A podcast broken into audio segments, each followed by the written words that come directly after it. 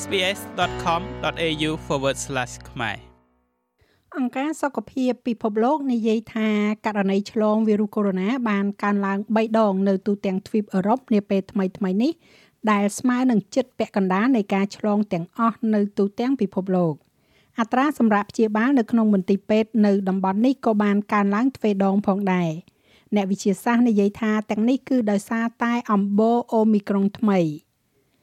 អ្នកវិទ្យាសាស្ត្រកំពុងតែមានប្រតិកម្មចំពោះការកើនឡើងភ្លាមភ្លាមនៃ variant COVID-19 ថ្មីខណៈដែលវាបង្ហាញពីសមត្ថភាពគួរឲ្យកត់សម្គាល់នៅក្នុងការគេចឲ្យផុតពីការការពារដែលផ្ដល់ដោយថ្នាំវ៉ាក់សាំង variant Omicron ថ្មី BA4 និង BA5 ដែលហាក់ដូចជាមានរោគសញ្ញាស្រាលជាង Alpha និង Delta នោះនៅតែជាប្រភពនៃការព្រួយបារម្ភសម្រាប់ប្រទេសដូចជាសហរដ្ឋអាមេរិកដែលការឆ្លងនៅតែកើនឡើងឥឡូវនេះ BA5 មានចំនួន65%នៃករណីឆ្លងសរុបនៅក្នុងសហរដ្ឋអាមេរិកហើយ BA4 មាន16%ទៀត សាស្ត្រាចារ្យសាលាវិទ្យាសាស្ត្រមួយរូបមកពីសាកលវិទ្យាល័យ East Anglia លោក Paul Hunter អះអាងថា BA5 ក៏ជាប្រភេទអំបូរលេចធ្លោនៃវីរុសកូវីដ -19 ដែលឆ្លងនៅទូទាំងពិភពលោកផងដែរ It was first described in South Africa វាត្រូវបានពិពណ៌នាជាលើកដំបូងនៅអាហ្វ្រិកខាងត្បូងមិនថាតែវាមកពីអាហ្វ្រិកខាងត្បូងឬក៏កន្លែងផ្សេងទៀតក្នុងទ្វីបអាហ្វ្រិកក៏ដោយខ្ញុំមិនគិតថាយើងប្រកាសនោះទេ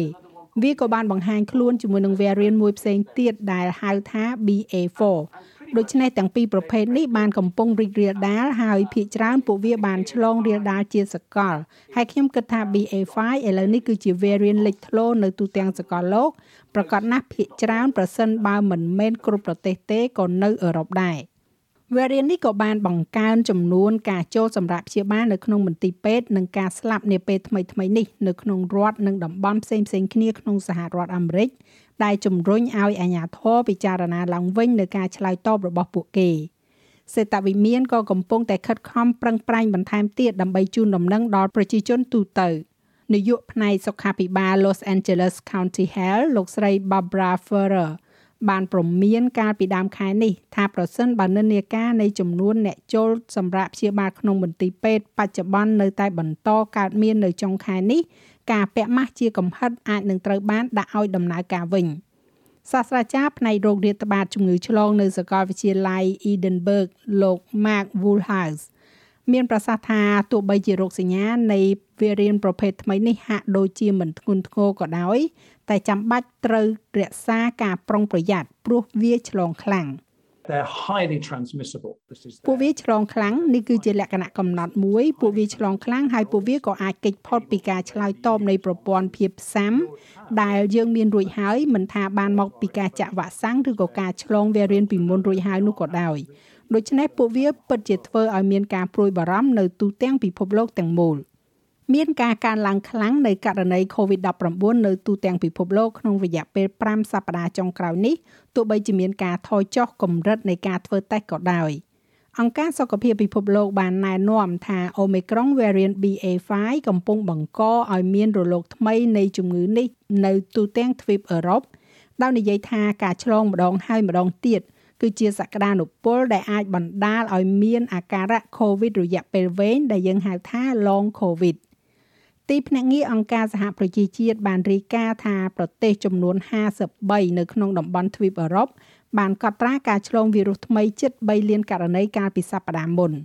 ដោយនិយាយថាវីរុសនេះកំពុងសម្លាប់មនុស្សអស់ប្រមាណជា3000នាក់រៀងរាល់សប្តាហ៍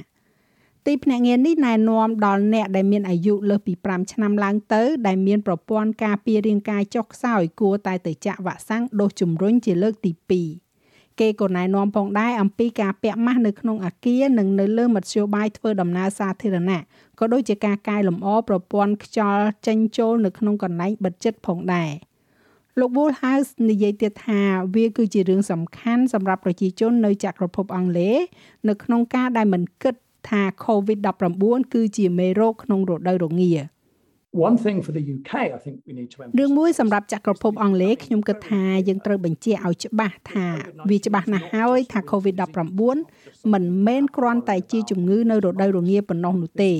វាមិនមែនគ្រាន់តែជាអ្វីដែលយើងត្រូវព្រួយបារម្ភក្នុងខែរងានោះទេនេះគឺជារដូវក្តៅទី2ជាប់ជាប់គ្នាយើងបានឃើញរលកដ៏ធំនៃ COVID-19 variant ថ្មី នៅក្នុងចក្រភពអង់គ្លេសនៅរដូវក្តៅលោក Hunter អះអាងថាករណីនៅតាមមន្ទីរពេទ្យកើនឡើងជាលទ្ធផលបានមកពីការដែលមនុស្សម្នាមិនដឹងខ្លួនថាបានឆ្លងនៅមេរោគនេះ And of those people testing positive, ក្នុងចំណោមអ្នកទាំងនោះដែលធ្វើតេស្តវិជ្ជមាននៅក្នុងមន្ទីរពេទ្យ would not actually ពួកគេភាគច្រើនពិតជាមិនដឹងថាពួកគេមាន COVID ទេពួកគេមិនបានទៅធ្វើតេស្តទេពួកគេប្រហែលជាមិនមានសូម្បីតែរោគសញ្ញា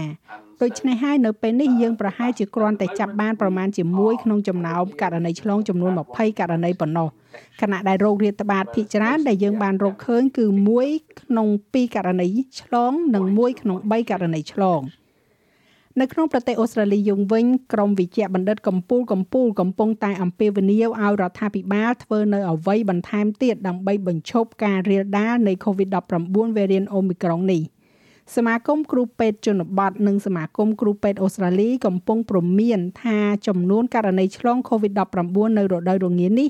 នឹងអាក្រក់ជាងការកើនឡើងនៅក្នុងខែមករាទៅទៀត។ We are walking into this in a much worse position as far as យើងកំពុងដើរចូលទៅក្នុងស្ថានភាពដ៏អាក្រក់ជាងមុនច្រើនដរាបណាមន្ទីរពេទ្យរបស់យើងមានការព្រួយបារម្ភវាស្ថិតក្នុងស្ថានភាពលើសបន្ទុកនៅរដូវរងាហើយវាពេញ ហើយវានឹងកាន់តែចូលជន់ទៀតក្នុងរយៈពេលប្រមាណសប្តាហ៍ខាងមុខនេះនោះគឺជារឿងគួរឲ្យភ័យខ្លាចនិងធ្ងន់ធ្ងរដែលយើងកំពុងប្រឈមនៅពេលនេះចាក់អំបញ្ញមិញនេះគឺជាប្រសាសន៍របស់លោកវិជ្ជបណ្ឌិត Chris Moy នៃសមាគមវិជ្ជសាស្ត្រអូស្ត្រាលី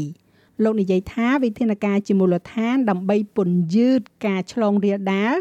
ចាំបាច់ត្រូវតែដាក់ឲ្យដំណើរការឡើងវិញបើមិនដូច្នោះទេនឹងមានមនុស្សស្លាប់កាន់តែច្រើន the whole point of this was n- get, ចំណុចទាំងមូលនៃគំនិតនេះគឺដើម្បីទៅឲ្យដល់ស្ថានភាពមួយដែលយើងមិនមានករណីឆ្លងច្រើនដែលយើងនឹងមិនមានមនុស្សឈឺធ្ងន់ច្រើន